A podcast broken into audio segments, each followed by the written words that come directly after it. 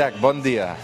Bon dia, què Com tal? estàs? Molt bé, no tan bé com tu, que ets jove, etc etc. Tu també ets jove, tu també ets jove. Sí, home, per estirar D'esperit, la pota. d'esperit. Som a l'Hotel Colón, eh, Sí. fent una entrevista, assegut en una magnífica butaca. És divendres, això s'emet diumenge. Mm, ho sé. Em fa molta gràcia perquè eh, t'hem donat un micròfon de Catalunya Ràdio i t'hi has fixat amb la marca. Que I què eh, què, què m'has dit? Què m'has dit? No, que el Senaixa es va molt bé per les ràdios, però que per cantar, normalment, almenys els viciosos com jo, ens agrada amorrar-nos el xuret. I és veritat que jo veig que moltes vegades aquestes stars que hi ha per tot el món, quan fan el directe van amb el xuret. I, mm, bueno, és igual, era el meu preferit. Tu, tu, tu cantaves a les ràdios quan et convidaven, a això No. dels acústics i tal? No. No, alguna vegada i perquè hi havia alguna amistat que d'alguna manera em condicionava i que me sentia en una situació plaent. Però si no, no, o no em diràs que vols que No. faci un refilet. No pateixis, no pateixis que no t'ho demanaré, però sí que eh, els artistes, i a més, normalment, quan, com més nivell eh, assoleixen, o més amunt estan, més reticents són a fer acústics en una ràdio perquè normalment tenen poc temps per provar, eh, estan Sí. molt venuts, no?, a vegades. Sí, i a més a més perquè molts programes són al matí. I la veu, eh, bé, els que teniu natural aquesta qualitat, els matins funcioneu i nosaltres quan hem d'anar cap als aguts, sobretot, les cordes eh, ens traeixen contínuament i aleshores pateixes molt. I si, ha, si tens possibilitat de dir no, no canto, ho dius. eh? Lluís, com ha anat l'estiu?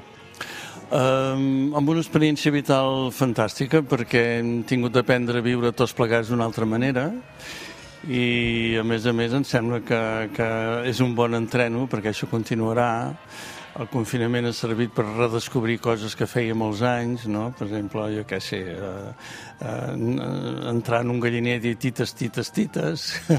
Tens temps de recobrar eh, situacions eh, passades i que potser en el futur ens, seran, ens facilitaran una mica la vida perquè em sembla, em sembla que haurem de prescindir d'algunes coses que estàvem apassats. No? M'han dit que has après a podar oliveres durant Oh, i aquest estiu. tant, i vaig quedar destrossat. Com, com es poda una olivera, jo que sóc Ah, de hi, ha ciutat? moltes, hi, ha, hi ha moltes maneres. La primera cosa que has de decidir és quan, si a l'hora de recollir el fruit, les olives, de plegar les olives, eh, vols enfilar-te o vols que vinguin cap a tu. Ah. O sigui, si tu les podes per dalt, la forces l'oliver anar cap a baix és molt còmode per la recol·lecció. En canvi, si tires cap amunt, l'arbre es fa molt maco, creix cap amunt, però és- t'has d'enfilar amb una eh, escala, als 72 anys comences a tremolar, etc etc. O sigui que l'he fet cap avall. I això de mirar la gent als ulls i, i, i, no, i, i haver d'intuir el somriure no, que t'hi has acostumat o no? Sí, a, a, jo tota la vida de, de les persones el que més m'han fascinat són els ulls sempre, no? I per tant, a mi, a través dels ulls endevino bastant què passa darrere. Però és veritat que, sobretot en la identificació, a mi em, preocupa molt més això, no? que he, he tingut la possibilitat de conèixer molta gent i, i a vegades eh, tinc dificultats per reconèixer. Però no, jo precisament penso que la, la mascareta, mm. els ulls eh, queden potenciats i per tant a mi m'agrada eh, mirar els ulls. No? Eh, en canvi, tot l'altre, la gesticulació corporal, el poder-se tocar, el poder-se saludar, abraçar, etc etc, trobes amb gent eh, d'amistat profundes que de cop i volta per responsabilitat de si tu tens problemes, etc etc, dius, doncs no, no, no t'has de reprimir molt i això és un, jo crec que també eh, és una cosa que hem d'aprendre i a comunicar-nos d'una altra manera, no? Mm. El cop de cols a mi em sembla idiota, sigui dit de passada. Hi ha països que fan la mà al cor i trobo molt més eh, missatge, mm, més eh, carinyós, no? per dir-ho manera. Hem vist fins i tot consellers aquesta setmana eh, jurant el càrrec donant la mà amb el colze amb el Sí, ho president. vaig veure ahir, sí, sí. La veritat és que fa, fa un efecte molt estrany. Eh? Et fa por contagiar-te, tu, Lluís? Uh, no, Mm, No, però clar, jo tinc primer un avantatge i és que soc molt gran i a més a més jo vaig tenir una malaltia fumuda quan tenia 50 anys i tot el que visc em sembla regalat i per tant i després l'altre gran avantatge és eh, a mi eh, m'ha agradat molt més la ruralitat que, que la ciutat no? I eh, a un poble com Parlavà, per exemple, l'Empordà, com a àmbit de convivència, és molt més fàcil passar el confinament i relacionar-te amb la gent sense tant de perill, no? Aquí, ara que fa tres dies que estic a la ciutat, doncs entenc que és molt més difícil, molt, que constrenyeix molt més a la gent, les seves relacions, etc etc. No. Això que et va passar, que ara m'explicaves, eh, quan tenies 50 anys, que crec que et van donar mesos de vida, fins i tot. Un any i mig. Un any i mig de vida. Sí. Mm. Clar, superar això, suposo que a tot el que t'ha vingut per davant, eh, després t'ho has plantejat molt diferent, no? Uh, és tan, tan, tan, tan que jo no els, els amics que de veritat m'estimo sempre els hi dic que, que no us passi res, però m'agradaria que us sentíssiu amenaçats per recobrar eh, la importància de les coses essencials de la vida, perquè aquesta societat d'alguna manera sempre ens convida a viure sobre banalitats, no? i aquestes banalitats acaben condicionant tots els nostres sentiments, les nostres actituds, accions. Aleshores, quan de cop i volta diem, miri, vostè està en els últims moments de la seva vida, els últims mesos, de cop i volta fas com una mena d'escombrada de les coses banals i és impressionant. Eh? Vull dir, no pots imaginar, no, no hi ha un carro d'escombraries que, que pugui eh, assumir tota la quantitat de, excuseu-me, eh, de merda que, que traginem a la motxilla, que es diu. Uh, uh, és com un alliberament. És, mm, jo, jo, jo ho aconsellaria. Foteu un ensurt ben, ben gros i, i reacciones. El que passa és que és molt difícil mantenir aquesta consciència no? i aquesta separació de les coses que importen i les que no, perquè la societat contínuament va eh, enviant ams perquè piquis eh, de tant en tant has de fer el zero i dir, escolta'm, recorda que... No, recorda que... Tu per què creus que te'n vas sortir aleshores? El meu convenciment és que vaig fer un règim dietètic eh, molt dur, molt dur, i que sense una amiga que m'ha desaparegut i que ha sigut fonamental en la meva vida, la Laura Almeric, que no hagués pogut eh, portar a terme, que sortien cap als recitals en Carmanyola amb unes fulles d'enciam, apocats i tenia una senyora, Carme de Costa, que, que em, va dir, em va dir exactament això. Jo no, no, no curaré el melanoma eh, amb aquest grau que tens, etc etc, però posaré el sistema immunològic tan fort que potser tindrem sort i les cèl·lules cancerígenes no trobaran facilitat eh, en col·locar-se en lloc. Eh, no sé si és això, jo sempre he volgut creure. En tot cas, quan anava a fer les revisions, sempre em deien senyor Llach, no sabem què fa, però continuï fent això que fa. Senzillament se'n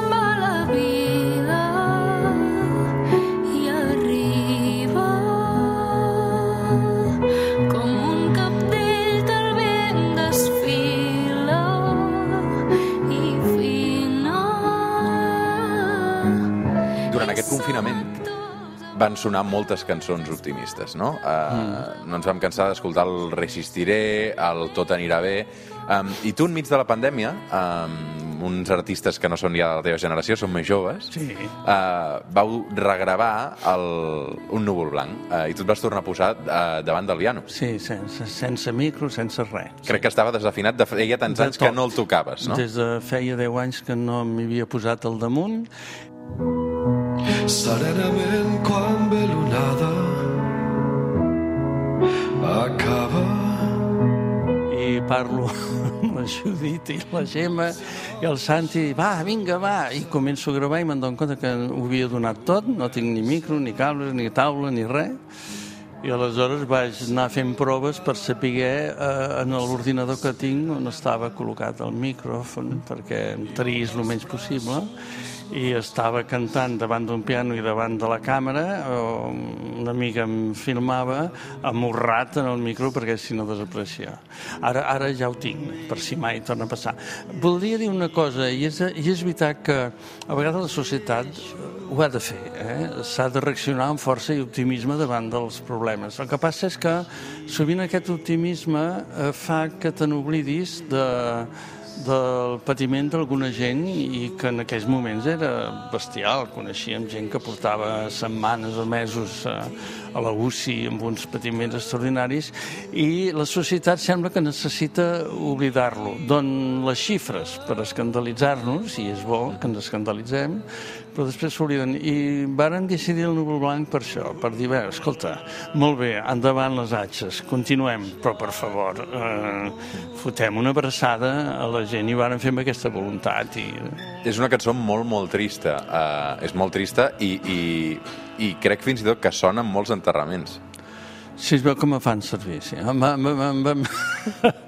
Tu saps que vaig tenir l'immens privilegi de ser molt amic de Miquel Martí Pol i sempre deien ens fan servir per als batejos i ens fan servir pels enterros. Dius, "Mi- mira, però, però si, si, si el que tu has fet en aquesta vida serveix perquè la gent ho pugui utilitzar, jo crec que és el, màxim, és com quan l'estaca me la canten des de fa 50 anys, bé, o 40 i pico, per tot arreu. Ostres, eh, la cançó jo no la considero meva perquè és que no ho és en realitat. I la gent es pensa que soc milionari perquè amb l'estaca no, quan eh, vull advertir només perquè no se'm demani massa massa col·laboració en causes perdudes que quan la gent canta l'estaca no paga mai drets d'autors, gràcies a Déu perquè està corrent davant de la policia normalment. Vull dir, quan tu pots fer una cançó que serveixi fins i tot per circumstàncies tan difícils, eh, és, és uh, no sé, és, uh, jo crec que és el màxim que, que, que pot aspirar un autor, és que la cançó no sigui seva, sinó que, que, se, que la gent se l'hagi fet a seva. L'avi Siset em parlava de bon matí al portal mentre el sol esperàvem i els carros veiem passar. de l'estaca ha arribat aquests últims mesos fins a Bielorússia, Sí, sí. um, precisament uh, com a cançó de, de protesta de la gent que es revoltava contra aquest règim dictatorial. Sí. Uh, vull dir que continua traspassant fronteres. Crec que la vas escriure quan tenies 20 anys, no, Lluís? Sí, sí. I, a més, eh, no, la, escriure sí, composar-la no, la vaig potser 19, i he de dir sempre que em va ajudar molt a escriure-la la- l'Aurelia Campmany. Eh, Jo tenia dos, eh, sobretot un, en Josep Maria Espinàs, que m'ajudava moltíssim i des d'aquí una abraçada fortíssima, però en l'estaca concretament en Josep Maria va pensar que allò no tenia arreglo i diu això només ho pot arreglar la Maria Aurelia.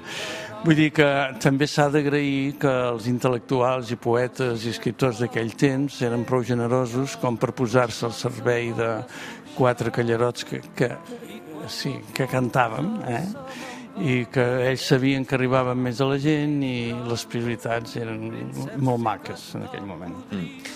Lluís, tinc un llibre damunt la taula, fa un quart d'hora que parlem, i Sí, encara, escolta, tu. encara no t'he colat la falca publicitària, però ara parlarem del Va. llibre que me l'he començat a llegir. Um, Escaca el destí és la cinquena novel·la. Um, és una novel·la, és una mena de thriller medieval, no? fictici. Sí, totalment Ah, fictici. Històric. Um, Sí, de context històric. de context històric i que arrenca amb una mort que no sabem si és un assassinat o és un suïcidi. Sí, No? Ah. molt important aquest fet, sí. Bueno, perquè és el... No, perquè a l'edat mitjana el fanatisme, diguem, de la moral i de la religió, etc etc, feia que un suïcidi eh, es considerava una ofensa, l'ofensa més gran que podies fer a Déu, perquè la vida te l'havia donat Déu i tu eh, almenys preaves eh, manllevant la vida, no? Aleshores, si era un suïcidi, eh, te, te despullaven, te arrastraven amb un cavall per tot el poble, eh, clavaven una cosa al pit i xafaven amb un pedrot al cap i te... imagina't, eh? Perdoneu, eh? Bon dia a tothom. Però que és diumenge.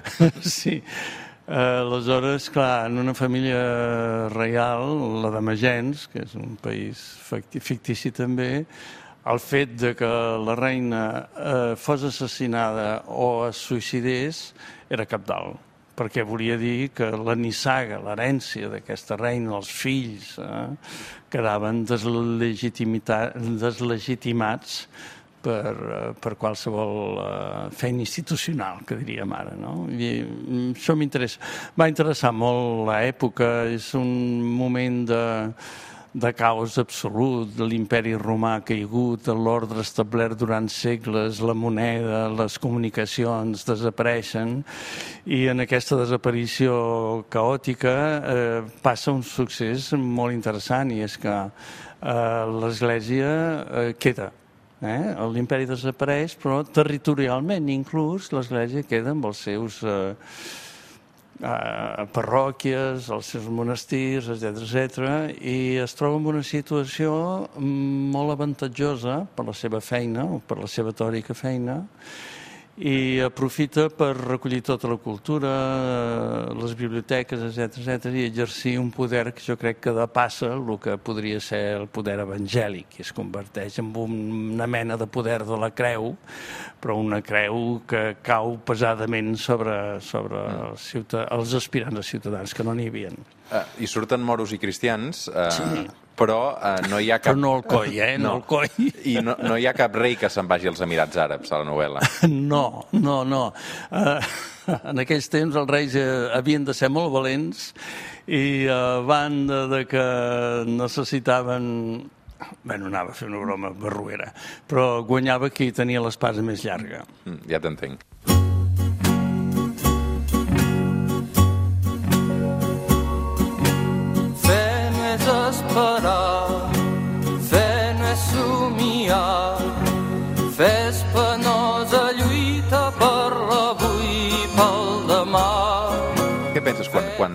Quan, per, fer- per referir-se a això que ha passat amb el rei emèrit es parla d'exili? No, em em sembla...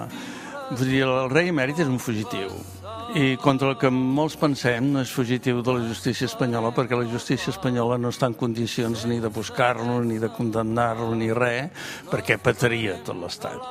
Ell és fugitiu d'un fiscal que, que l'està investigant suís i es va amagar a la República Dominicana o, a, o en aquest cas a Abu Dhabi, em sembla, no sé Als si Emirats. Àrabs Units, sí. Exacte, perquè no hi ha tractat d'estradiment, d'extradició. Deia, més el teu cinquè llibre, Lluís, eh, i et fa molta ràbia que et presentin com a escriptor encara, tot i així. Ràbia no és la paraula, me, me, me sona, jo no... És Basarda. Si, no, no, com si fos algú que, que està aquí darrere, no? perquè no, no em considero eh, en cap tècnica, cap coneixement especial, etc etc.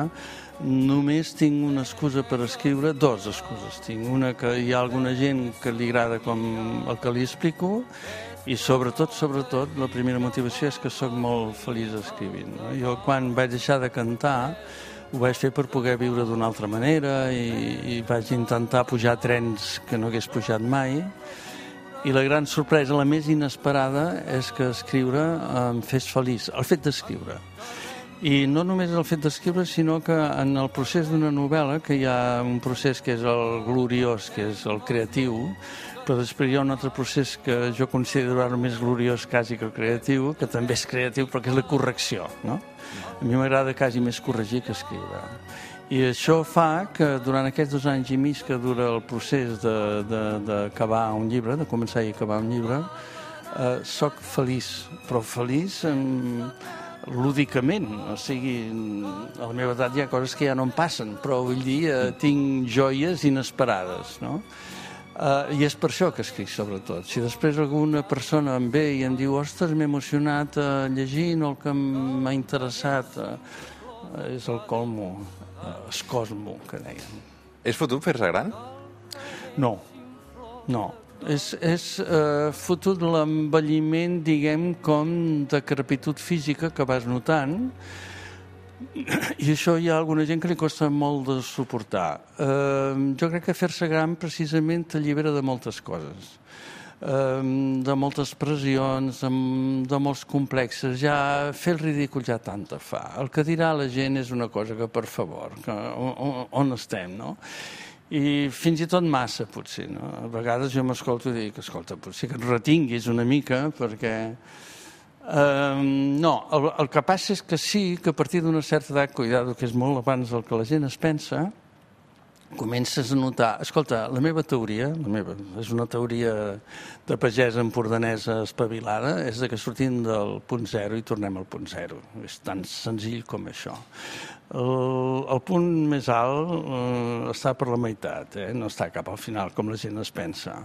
Si bé observes el teu cos i les teves reaccions, veuràs que aquest punt comença de, a basar-se a pensar que moltes de les qualitats que el teu cos tenia i fins i tot la teva agilitat mental comença a minvar, això és la gran dificultat de ser prou llest o prou, jo què sé, eh, imaginatiu per trobar caminets de substituir-ho. No? I un dia dius, ah, això ja no puc saltar, aviam si trobo un petit esgraonet, etc etc. Si, eh, jo crec que si tens la sort de que el dolor, jo no diria les enfermetats, que les enfermetats ens les anem gestionant com podem, el dolor, no? que és, eh, és un càstig terrible de la natura, el pots anar fintant, jo crec que la mort és un acte de dignitat i és la continuació de la vida, o sigui, d'alguna manera... A, a Tu mi- creus que hi ha alguna cosa després? no, no, no. I no, no només no ho crec, sinó que em consola pensar que... que... O sigui, a mi el res absolut em consola. T'imagines tu que de cop i volta surts d'allà i surts un coquet una, en forma de colom i apa, cap al cel o cap a l'infern, no? I torna a començar. I eh, jo què sé, haver d'anar a la sala de ball amb les verges i fer els compliments. Per favor, no. S'ha acabat, però això és el bonic d'aquesta vida, no? Vull dir, nosaltres estem de pas, intentem participar tant com podem en el que se'n diu vida col·lectiva de la humanitat, cadascú des d'on pot i, i ja està. I, I per què li hem de donar tanta transcendència? Per què no la donem eh, a algunes religions eh, per justificar la transcendència que ens donem a nosaltres mateixos, a pobrets, transcendeixen les gallines. I diuen que les gallines després es transformen... Mm, escolta, no, a mi em consola. Ara tens 72 anys. Quina va ser l'època més feliç de la teva vida? Amb quina edat? Doncs eh, gran, eh? Gran. Um, jo he tingut molts motius de felicitat, però sempre he tingut una mena d'intranquil·litat interior que no m'ha permès uh, fruir dels privilegis que he tingut. He tingut molts privilegis. Vaig començar a cantar als 19 anys, als 21 ja m'anava bé, el que he tingut de passar de caire polític o de repressió ho vaig viure eh, des de la satisfacció de pensar que servia per alguna cosa, que això també és un gran què, no? A mi quan me prohibien jo ho reconvertia en, sé, en, re- en rendibilitat. Eh, Deia, si em prohibeixen és perquè d'alguna manera els hi faig mal, per exemple, no? Eh, vaig haver d'anar a París uns anys, sí, però va ser una universitat, vaig conèixer l'exili republicà espanyol i català, vaig descobrir eh, el cinema lliure, el teatre lliure, l'òpera, etc etc. Sí, he viscut molts privilegis, però sempre he tingut una mena d'insatisfacció interior que no m'amarga, eh? però que no em deixa fruir de lo que per la gent és privilegis. Per exemple, faig l'Olímpia. Ho dic per allò de magnificar les coses, no?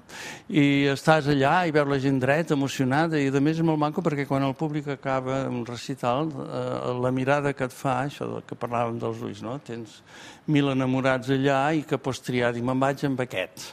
Doncs no. No, no. La veritat és que estàs patint a dalt l'escenari, per una mena de... patint i fruint, eh? però que les coses vagin bé, aviam si, eh, ostres, m'he equivocat aquí una nota, aquí la veu, etc etc. Suposo que tot bon professional a tot, eh, que li passa, a la ràdio també deu passar, etc etc. I després, eh, els privilegis que això et dona, eh, els, els hi he donat eh, poca importància. He conegut gent molt maca, molt important, i al final arribes a la conclusió que la gent maca i important n'hi ha de meravellosa i n'hi ha que és d'un cretinisme espectacular.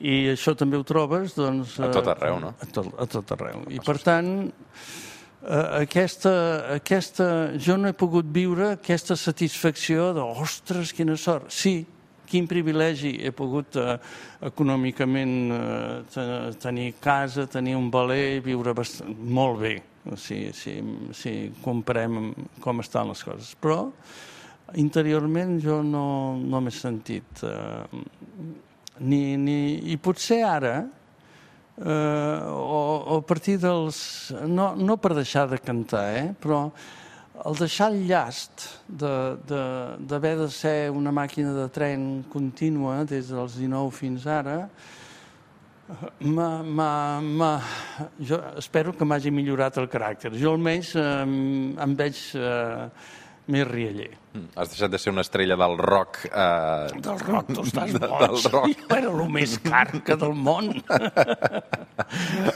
No, home, no em diràs que et defineixes a tu mateix com a carca. No, no, ho vaig intentar, però, bueno, el món de la Cancó estàvem... Eh, eh, en... Bé, era un món molt especial. La meva terra és com un infant, no dona gràcies ni mai sap quan. Es torna aspra i plena de fang, o verda i plana i et dona tot. Lluís Llach, hem d'acabar. Escac el destí és l'última novel·la. Um, he parlat molt poc de política. Dues preguntes molt concretes. No et formaràs part de cap llista electoral una altra No. vegada, no? No, jo, jo em vaig formar una perquè era una llista unitària amb uns objectius molt precisos, em sembla que no és el cas, i després l'experiència que vaig tenir, eh, tot i mantenir-la, eh, em sembla que ara ja no sóc capaç de, de, de mantenir l'energia, el capficament que implica. Tot i així, um, estàs ficat a les beceroles, també. Sí, jo formo part del Consell de la República i eh, formo part també d'una coordinadora nacional pel debat constituent que patim molt perquè eh, estem en ple temporal de sí, aplaçaments, eleccions, etc etc, però que crec que és una cosa que seria molt important que aquest país, la gent, amb calma, amb serenitat, pogués definir què vol ser, com volem ser i qui vol ser. No? Tens la sensació que l'independentisme també està confinat ara mateix, després de tres anys d'aquell uh, moment culminant? Jo diria que, eh, contra el parer de molta gent, jo penso que l'independentisme no ha fet un pas enrere, no l'ha fet. El que passa és que a la confluència d'aquest temporal eh, treu la normalitat que una evolució del l'1 d'octubre hauria de tenir. Però cuidado perquè obre moltes finestres pot obrir moltes finestres, com sempre les crisis s'obren, per trobar camins eh, diversos i diferents dels imaginats per arribar als objectius. I a mi jo tinc esperances de que tot aquest rebombori que hi ha faci replantejar moltes coses en el context europeu, sobretot, no tant en l'espanyol, no, pel, pel que es veu de moment, amb els reis eh, follant eh, eh, tipus Isabel, és igual, és igual.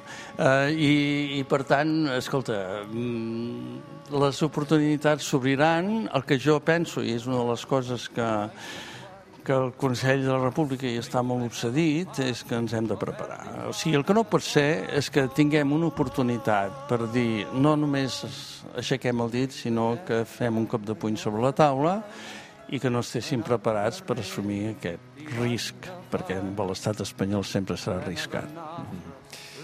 Lluís Llach, molta sort, moltes gràcies. Home, tu, escolta, encantat. Escac el destí és l'última novel·la que recomanem. De El suplement.